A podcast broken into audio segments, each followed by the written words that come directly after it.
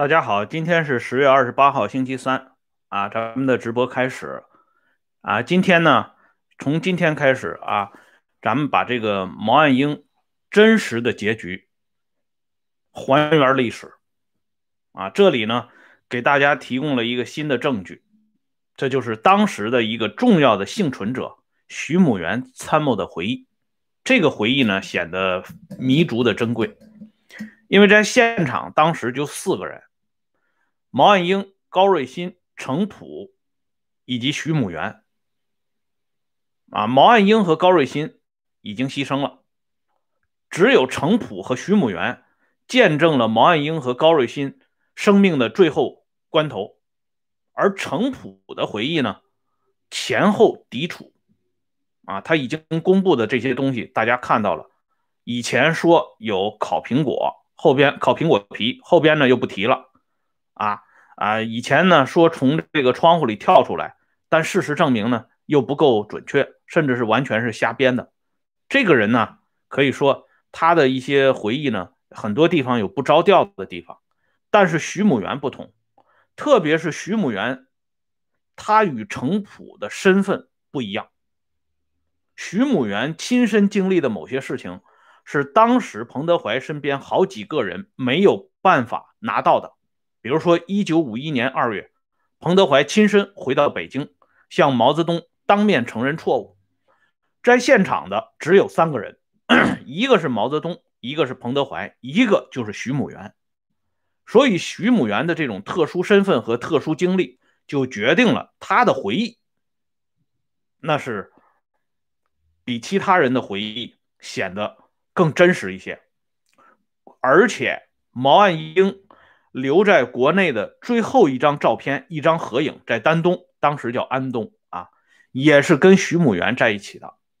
所以呢，今天和明天，甚至是后天啊，我不敢保证啊，呃，三期呃两期能不能说完？咱们就把徐母元参谋的回忆给大家如实的讲述出来，通过这么一段补充回忆。大家又可以看到，一九五零年十一月二十五号那天上午十一点半到十二点之间，在这个大鱼洞作战时，这个木板房到底发生了什么？那么现在呢，我们先把昨天没讲完的话题给大家讲上，要不然呢，这个昨天拴的这个扣没解开，很多朋友心里会不舒服的。昨天呢，提到一个。结尾的时候提到一句，就是周恩来发现这个彭德怀写的这信里边呢，啊有这个有问题。那么我们就先要把彭德怀这封信，啊，在一九五四年十二月写给周恩来的这封信跟大家说一下。这封信呢是在一九五四年十二月二十四号，因为当时呢总干部部。要拟定一个电稿，请将毛岸英的遗体呢，啊，就是遗骨运回北京安葬。这样呢，彭德怀在二十四号这一天写给周恩来一封信。彭的信是说，啊，应该就把毛岸英的遗骨埋葬在朝鲜的北部，以志愿军司令部或者以彭德怀的名义，啊，做一块碑。说明其自愿参军和牺牲经过，不愧为毛泽东的儿子。与其同时牺牲的另一参谋高瑞欣合埋一处，对朝鲜人民教育意义较好。其他死难烈士家属亦无异议。原电稿已送你处，上述意见未写出，未写上，特补告。周恩来在二十五号回复啊，说同意等等。但是彭德怀的一个重要的要求，即把高瑞欣和毛岸英安葬在一处，这一点呢没有得到满足。事后呢，彭德怀非常不满意。这个彭德怀身边的工作人员呢都能感受得到，在这么一封短信当中，周恩来发现彭德怀这封信里头有三处不妥，哪三处呢？我给大家说一下。第一，就是。说毛岸英自愿参军这一段不妥，有犯忌的一面；第二，说毛岸英不愧是毛泽东的儿子，这一段引申意义也不妥；第三段就是把高瑞欣这么一个普通的机要参谋跟毛岸英啊合葬在一起，那就更加不妥了。这三个不妥，我们现在呢先不给大家展开，而是在接下来的讲述过程当中，大家都会一一体会到。那么现在呢，我们就把毛岸英他生命的最后这么一个多月的历史呢，给大家一点一滴的还原。我们先从一九五零年十月四号彭德怀进京说起。当时啊，大战在即，毛泽东一纸电报急召彭德怀回京，商量眼下是否要出兵朝鲜。十月四号，彭德怀搭乘飞机从西安回到北京。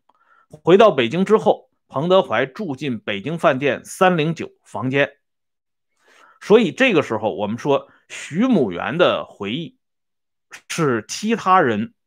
从来没有回忆到的啊，因为彭德怀是四号到北京，五号啊中央决定出兵朝鲜，那么十月六号代总参谋长聂荣臻就要给彭德怀配备班子，这一点呢也是徐母元的回忆，当时军委作战部。副部长李涛奉聂荣臻的命令，从总参作战处挑选三个人，立即进驻北京饭店三零九房间待命。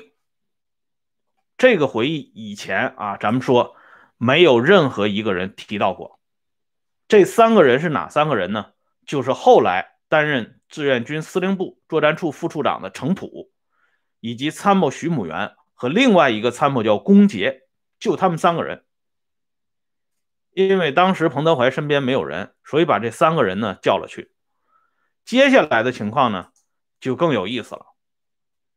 十月七号这一天，啊，召开了重要的会议。召开会议之后呢，毛泽东专门找彭德怀谈话。这件事情呢，只有徐母元回忆的。彭德怀年谱修订的《彭德怀全传》啊，包括之前出版的《彭德怀传》，以及 日记中的彭老总啊，还有这个王亚志他们编的一呃，这好几本书啊，一个真正的人啊，以及这个彭德怀的侄女彭梅奎他们的回忆当中。都没有提到这点。一九五零年十月七号这一天，对毛泽东、彭德怀、毛岸英这三个人的命运是具有决定性的，甚至呢，也可以说对中国的政治命运也具有决定性的。因为十月七号这一天，在毛泽东与彭德怀见面的时候，据徐母元本人回忆，毛泽东当面向彭德怀提出，岸英希望。参加这一次抗美援朝战争，彭德怀坚决不同意，坚决不答应。啊，彭德怀这个人啊，咱们说他尽管有的时候他有一点二杆子这个劲儿，啊，他毕竟是军人出身，他有些地方呢不会像周恩来那么老谋深算啊，一般人也赶不上周恩来。可是，在这个问题上，彭德怀脑子里还是有一根弦的。毛岸英是什么人啊？啊，他要参加抗美援朝战争，这场战争，说实话，林彪、粟裕都躲了。他彭德怀是勇于挑重担，这是没问题的。可是他勇于挑重担，不等于他什么担子都能挑。毛岸英这个担子他挑不动啊，所以彭德怀坚决不答应。毛泽东再三提出来，这件事情就定了，岸英可以参战。这既是岸英的请求，也是我的意思。这样的话，彭德怀无话好讲，啊，只能答应。所以综合这一点来看，我们就知道为什么人家李克农从来不在这件事情上做任何的解释，没法解释啊，因为这里边直接牵扯到领袖的问题。毛氏父子的意见，谁能做出解释呢？这样呢，彭德怀决定安排毛岸英进入刚刚搭建好的司令部的班子，是以翻译的身份出现的。十月八号这一天早晨，彭德怀率领毛岸英、程普、徐母元，还有张扬武、龚杰，与高岗和高岗的秘书一起冒雨飞沈阳。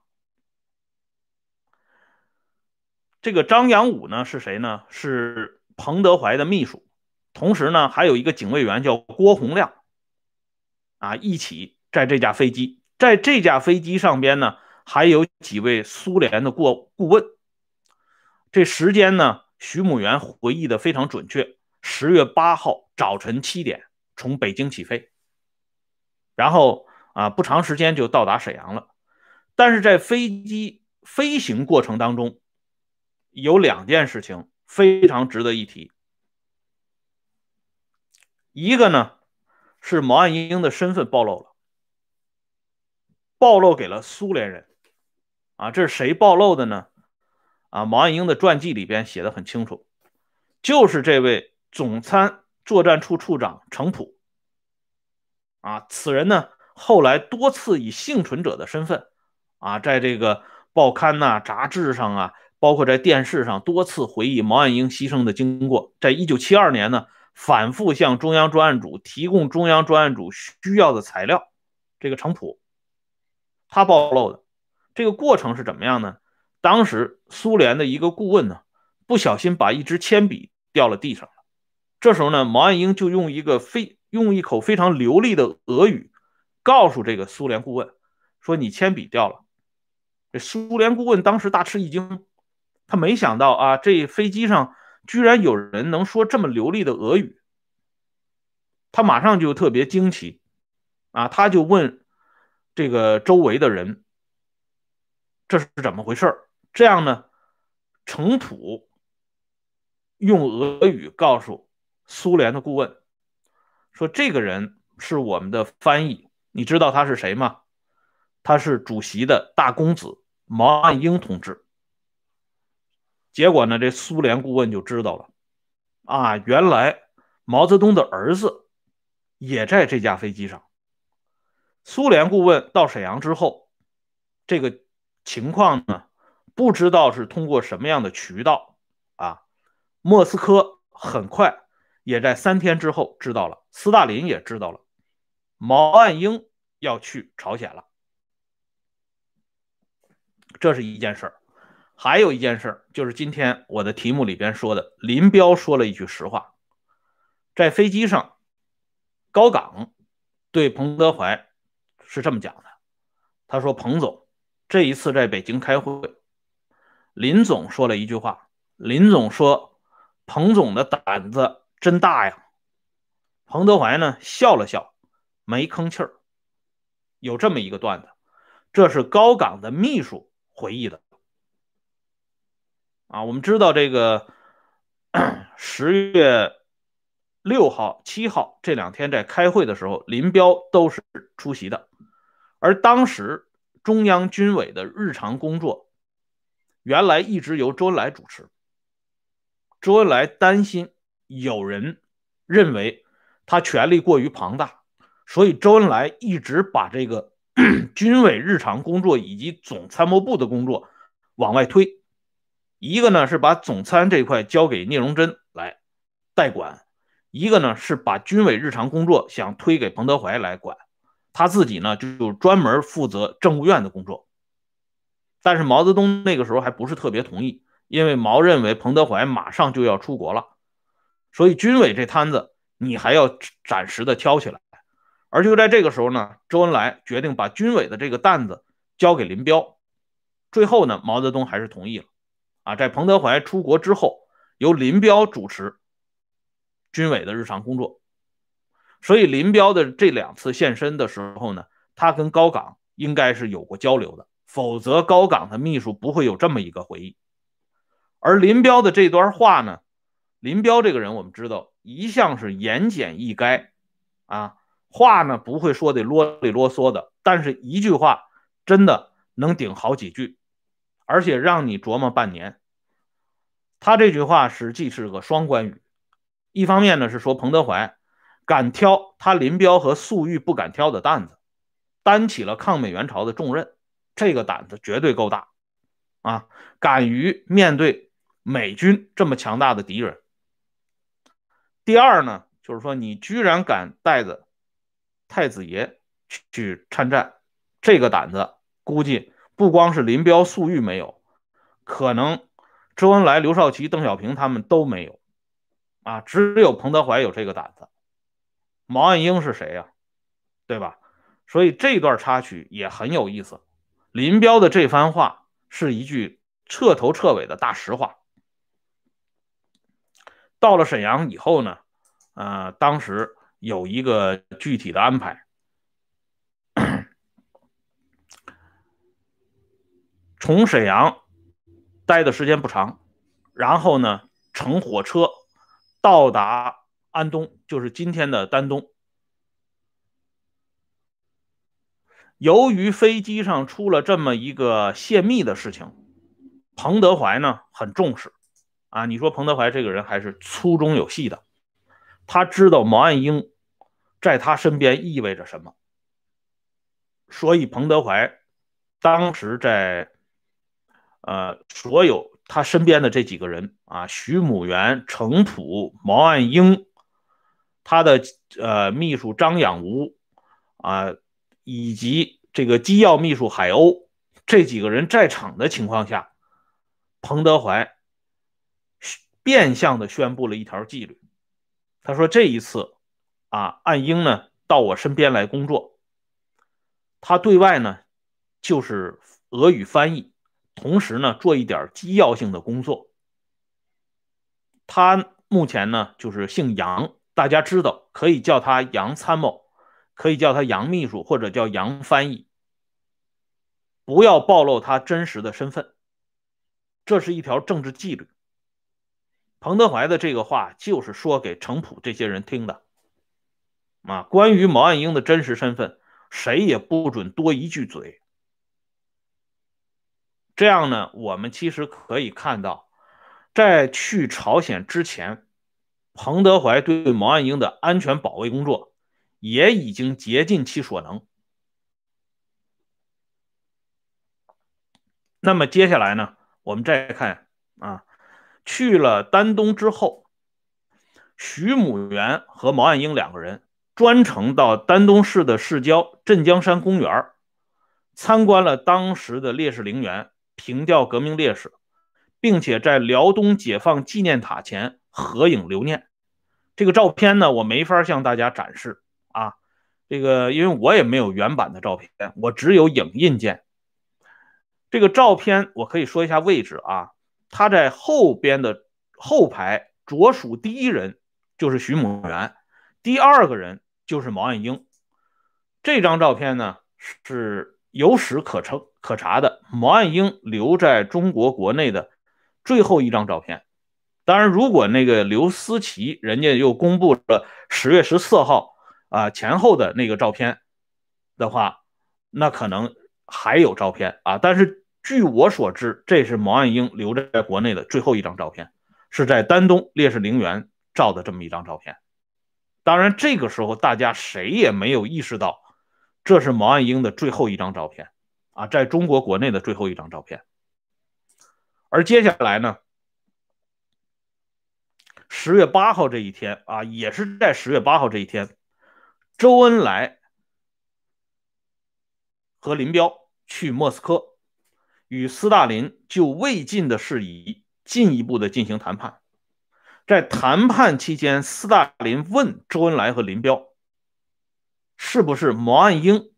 也参加了这一次抗美援朝战争，周恩来只好回答说是。换句话说，毛岸英的参战已经惊动了中国、苏联以及朝鲜三个国家的最高领导人，因为斯大林知道之后不久，朝鲜的大元帅啊，朝鲜日后的大元帅啊，那时候不是大元帅，那时候是首相，金首相也知道了。金首相知道之后，也相应的做出了啊最为安全可靠的保卫措施。那么接下来迎接彭德怀和毛岸英的是什么呢？咱们明天接着说。感谢朋友们上来收看，下边呢，我们把这个。时政会员频道的链接给大家发一下，感兴趣的朋友欢迎加入。温相说时政，每天都有更新。